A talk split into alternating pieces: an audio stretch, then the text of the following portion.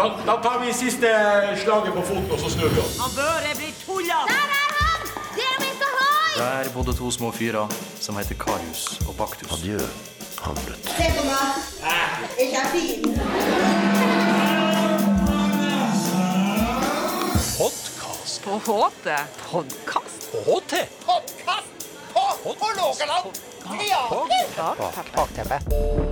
Bakteppe. Kjære publikum, hjertelig velkommen tilbake til en ny episode av Bakteppet, en podkast fra Hålogaland teater. Med oss i dag så har vi Kristine Myhre Tunheim og Alexander Rindestue. Begge to er skuespillere i Rivfros Produksjoner, et uh, frilansteaterensemble som eh, har ofte spesialisert seg på barneforestillinger, og hatt veldig stor suksess med det. F.eks. med Tobias og Dagene smalt, og Monster i magen. Nå skal de sette opp ei eh, forestilling som heter Utvik senior. Den baserer seg på historien om et forlis utenfor Senja i 1978. Alexander, det var du som eh, brakte denne her på banen, denne tematikken, til eh, Rimfrost. Kan du fortelle om forhistorien til dem? Ja, nå er det på en måte så kan jeg vel si at eh, det var ikke jeg som brakte historien på bordet, på et vis. Det var eh, faren min som kom med ei bok til meg. Eh, ut på gårdsplassen hjemme på Senja.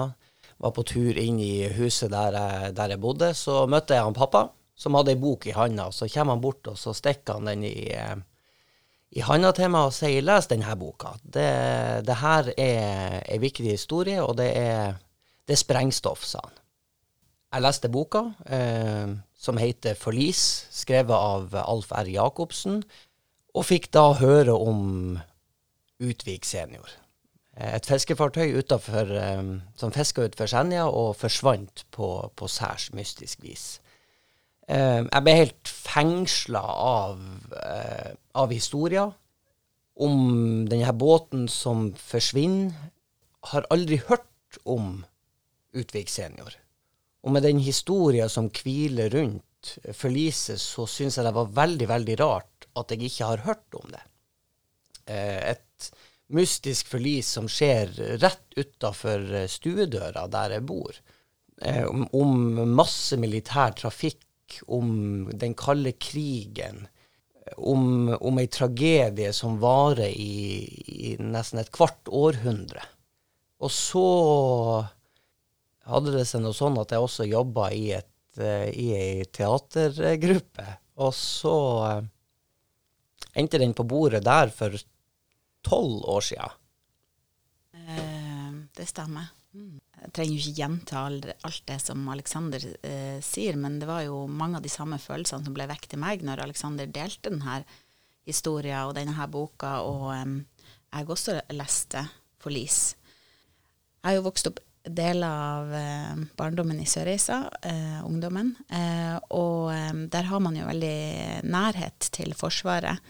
Eh, og det var også en del av det, det at denne beretninga plutselig inneholdt en litt annen side av Forsvaret, eller mulighet for det. Og også det som Alexander sier med, med den kalde krigen, en periode som vi ikke har opplevd sjøl, men som har eh, inneholdt rett og slett veldig mye mystikk eh, og uklarhet i vår region. Dette her er jo en historie som både er lokal, og det er jo noe vi har eh, engasjert oss veldig mye for i, i Rimfrost. Vi har jo brukt mye lokalhistorie fordi at vi opplever at uh, regionen som vi kommer fra, har mange vektige historier å fortelle. Og denne historien er jo ikke bare lokal, men den er jo samtidig internasjonal. Med det at eh, vi befinner oss i 1978, eh, der krigen er ja, jeg vil si rundt, rundt det kaldeste, den kalde krigen. Og, og det er russisk trafikk, det er amerikansk trafikk, det er eh, Nato-øvelser. Samtidig som man er på yttersida av Senja, så er også verden rett utafor eh, stuedøra. Og det er jo også en del av det som gjør denne eh, fortellinga interessant. I tillegg til den innebygde mystikken som ligger i historia om Utvik senior. Og så ikke minst så er det den følelsen av urettferdighet som jeg reagerte veldig på. Det at det føles så jækla Sorry. Eh, det føles bare så urettferdig, det at eh, disse menneskene skulle oppleve først å miste sine nærmeste, og så at sorgen skulle bli trukket ut i så mange år. Eh, og det å stå der og oppleve å ikke bli hørt, og ikke få svar, det er ikke riktig. Det er jo 43 år siden eh, Utvik senior forliste utenfor Senja. Og det er ganske lang tid. De som er kanskje fra 60 år oppover i dag, de husker det helt sikkert fra eh, oppslag i, både i aviser og i TV og nyhetssendinger i 1978. Men som dere sjøl sier, det her var en historie som ikke dere kjente til. Kan dere fortelle litt om eh, selve forliset? Hva var det som skjedde? Absolutt. Utvik senior, en eh, ja, 25 meter stor fiskebåt, eh, dro ut på havet eh, på formiddagen eh, 17. februar 1978. Det var ni mann om bord, og det var sånn tålelig godt vær. De for ut og, eh, for å gjøre arbeidet sitt på Storgypta, eh, som er et fiskefelt utafor Senja. Og eh, alt gikk som det eh, pleide, men det dukka opp nordfra et eh, ganske heftig uvær. Eh, når dette her nærma seg Senja, så begynte fiskekollegaene og denne båten å etter hvert eh, gå inn mot land. Utvik senior var der med, på Storgypta med 16 andre båter. Og um, Utvik senior var en av de siste båtene til å gå inn. I eh, ni-ti-tida så har båten kontakt med de andre eh, kollegaene sine, fiskekollegaene sine, for siste gang. Og etter dette her så vet vi ikke hva som eh, skjedde med Utvik senior, men ingen får kontakt med dem etter, etter dette tidspunktet. Eh, det blir slått alarm, og etter hvert så begynner kollegaene å lete. Og 0820 finner de det første vrakgodset. Og derfra og utover så er det tydelig at Utvik senior har forlist. Så kan man jo selvfølgelig si, Kristine nevnte det jo, det var, det var, dårlig, det var dårlig vær denne dagen. Bølgehøyden er sagt at gikk fra 5 til 15 meter. Det er jo klart at for, for en Jeg har aldri vært på havet når det er 15 meter, så det er vanskelig også for meg å forstå hvor, hvor mye vær det på en måte er. Men, men, det er klart det var et heftig vær. Men Utvik senior var også en moderne båt som, som skulle tåle sjø. Så Utvik senior forliser i elendig vær. Og den første havarikommisjonen konkluderer med at eh, her er det været og det er feil navigasjon som har tatt Utvik senior.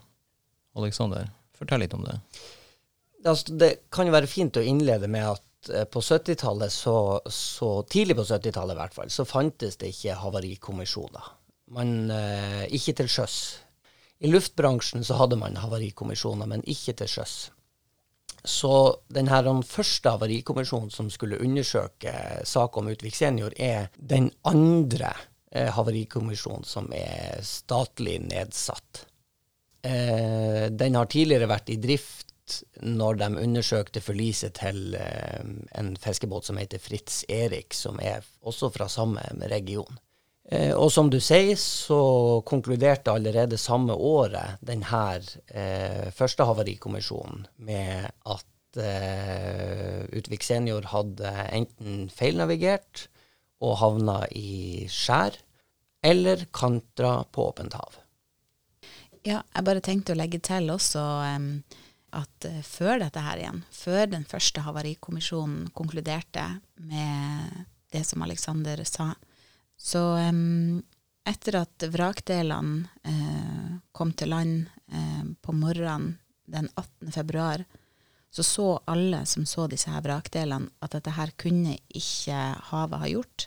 Hele bakdelen av båten var smadra til pinneved, til fyrstikker. Og andre deler av vrak vraket var også inntrykt på en sånn måte som var helt unaturlig at skjedde både ved kantring og ved grunnbrott. Alle var enige om dette her. Politi, eh, de som undersøkte, fiskekollegaer. Og så var det altså den første havarikommisjonen som konkluderte sånn som Aleksander sa. Og det var jo en stor overraskelse for veldig mange, og ikke minst veldig, veldig provoserende for de som hadde stått der og sett vrakdelene på egen hånd, og sett hva de mente hadde skjedd med Utvik senior, og at det da ble konkludert med noe veldig annet, eh, og som også indikerte at um, eh, skipperen hadde tatt feil, at de på båten hadde tatt feil, gjort feile valg. Det var også eh, veldig provos- provoserende på et emosjonelt plan. Ja, jeg tenker jo, jeg tenker jo også det at eh, ved å si feilnavigering, ved å bruke det ordet, så angrep man jo også ei, ei yrkesgruppe på Senja. Han, han som var skipper om bord på Utvik senior, eh, Ola Abelsen, han var jo en høyt ansett skipper. Og alle dem som, Kristine sier, eh, eller yrkeskollegaene, de, de visste jo at været var dårlig, men ikke så dårlig. Sånn at denne feilnavigeringa som blir påstått i den første rapporten, den, den opplevdes jo som et slag i mellomgulvet for veldig, veldig mange. Og som igjen, tilbake til de, til de vrakrestene som ble funnet, så, så var det ingenting som stemte for de som sto rundt og så på det her. Hvordan påvirker det her eh, de etterlatte og lokalsamfunnet? Det påvirker dem jo i stor grad. Alle som har opplevd sorg, vet jo at det er vanskelig nok i seg sjøl. Men i tillegg så blir det jo definert at uh, de som har gått bort, på en måte ja, indirekte er skyld i det sjøl, da. Og, og det um, Når hadde de hatt en ærlig kamp med havet, uh, så tror jeg de fleste hadde akseptert det, selv om det også hadde vært veldig smertefullt. Men det å se eh, tegnene som, som eh, ligger der i fjæra, og sette sammen brikkene og få et annet bilde enn det havarikommisjonen, den første havarikommisjonen fikk, det var jo ekstremt eh, smertefullt. Og, og jeg tror det går inn i yrkesstolthet, det går inn i selvtillit, det går inn i tilliten til systemet. At man har et system i Norge som man tror at skal beskytte en, skal ta vare på en, og så gjør det det helt motsatte. Det tror jeg kan til og med endre et menneske. Nå er vi jo inne på den første havarirapporten. Folk er i sorg, men det finnes også ei stahet om at dette er ikke ferdig. Dette skal vi finne ut av, for eh, det den rapporten sier, er ikke rett. Og man vet jo at det gjelder å finne noen ut av de store vrakdelene. Ja, at de skal finne hovedvraket. Det er jo det de etterlatte da håper på. Og ikke mange måneder etter at eh, den første havarikommisjonen har kommet med sin rapport, så finner jo faktisk eh, kollegaer rester av vraket i det såkalte Bennex-søket. Og der, der eh, finner de eh, en stor miks mellom tunge og eh, lette vrakdeler. Og de tunge er heftige deler, det er store deler. Så dette her er det er veldig usannsynlig at vær og vind har flytta på det. fordi at da ville de tunge og de lette vrakdelene ligget på helt forskjellige plasser. Ikke minst så er det fra helt forskjellige deler av båten. Det er fra, det er fra eh, fronten, midten, bakdelen. Det er fra hele båten. Noe som er et bevis for de som finner det, på at yes, vi har funnet hovedvraket. Og da eh, tar de jo selvfølgelig kontakt med staten og med Havarikommisjonen for å få eh, gjenoppretta eh, kommisjonen, og at de gjør en, en ny vurdering basert på dette her funnet. Men det er jo da Havarikommisjonen sier nei til det. At eh, det har ikke noe hensikt. Og da skjer det veldig lite i mange år, helt til selve motoren blir funnet i 2002. Ja, i 1999 så, eh, så kommer jo han som har, blant annet han som har skrevet boka som stykket baserer seg på, Alf R. Jacobsen fra Brennpunkt og Georg eh, Blikkfelt, eh, som er statsviter og, og var journalist på denne tida, blir tatt inn i, inn i her, um, i den letinga. For det, det gjaldt jo å finne den her tolv tonn tunge eh, motoren.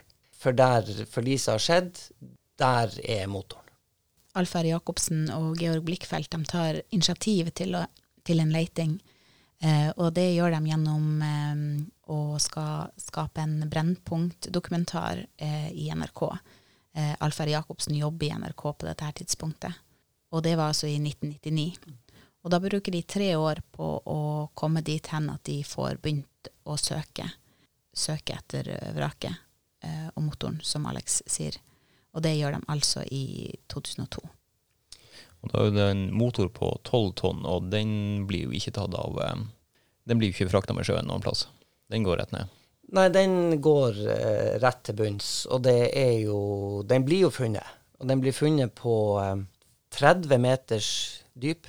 35 meters. 35 meters dyp, faktisk. På åpent hav. Det finnes ikke ei grunne eller et skjær i nærheten.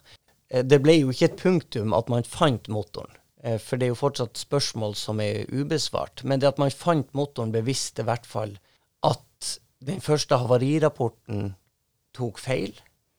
Det styrka teorien og is, om at her har det skjedd en kollisjon, og det står, det konkluderer jo også den siste hava, nei, jo, havarirapporten med at, den, at kollisjon er den mest sannsynlige årsaken til forliset. Som igjen betyr at de pårørende endelig får rett etter 23 år, da. For funnet av motoren eh, var såpass tungtveiende at da ble det satt ned en ny havarikommisjon, som du nevnte i stad. Og denne havarikommisjonen konkluderte med at uh, Utvik senior hadde mest sannsynlig blitt eh, påkjørt av et annet fartøy. Vi har altså et uh, forlis av en ganske stor eh, fiskebåt på yttersida av Senja i storm. Uh, det er mørkt. Det blir påvrent av et annet skip. Og vi har uh, ni mann som omkommer. Vi har et, flere lokalsamfunn som blir sterkt prega av det her. Og da må vi snakke litt om hvordan skal dere presentere det her på ei teaterscene? Eh, Det er jo et veldig godt spørsmål, og um, det beste svaret er vel å si kom og se når vi har premiere om to måneder. vi jobber jo nå med, med eh, teksten og med materialet, og um, det som er utgangspunktet vårt er en slags tredeling. Uh, vi, formspråket vi bruker er da dokumentarisk teater, og det kan på en måte sammenlignes med en dokumentar på TV eller ehm, eller film.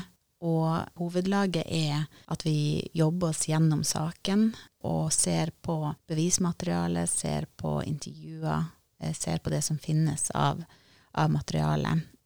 Eh, Det andre laget er et um, spillag der dramatiker, Nina Wester, har skapt eh, to-tre fiksjonskarakterer som vi følger eh, gjennom deres eh, bearbeidelse av denne tragedien. Og eh, det tredje laget er korlaget, for vi har også med oss et mannskor i denne produksjonen. Og det mannskoret, det representerer samfunnet og ja, andre krefter utafor. Disse tre lagene blir til sammen forestillinga Utvik senior. Eller er det snakk om store kulisser her, eller er det, er det et enklere oppsett? Det som har vært viktig for oss i Rimfrost hele veien, er jo at dette er en forestilling som kan eh, vises mange steder, som er turnerbar, og som kan vises på kulturhus, men også på samfunnshus. For vi har lyst til at dette skal komme ut til kysten. Så nei, det er ikke veldig eh, stort eh, sammenligna med en del andre store produksjoner, men det blir allikevel en em, Det blir også et visuelt sterkt uttrykk på denne forestillinga, laga av Mari Lottrington. Ja, og dere er jo, eh, har jo vært mye på turné tidligere også, med de andre forestillingene. Og denne skal jo også på turné. Og som du nevnte, det er premiere om to måneder på Festspillene i Nord-Norge. Og det er jo stor stas. Og Festspillene er jo også en av eh, de vi eh, de, En av våre samarbeidspartnere. For to år siden så var vi der og gjennomførte ei lesning av eh, manuset. Og nå skal vi da dit og ha premiere på Utvik senior. Og etter sommeren så har forestillinga nypremiere her på Hålogaland teater i Tromsø.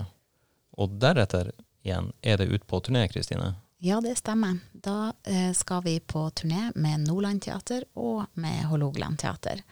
Og da begynner vi i Nordland i januar og spiller eh, i januar og februar. Og avslutter på Vinterlysfestivalen i Mo i Rana på Nordland Teater. Og så eh, skal vi ut med Hålogaland Teater etterpå i Troms og Finnmark. Og da håper vi på å ha eh, turnépremiere på Senja. Så det krysser vi fingrene for.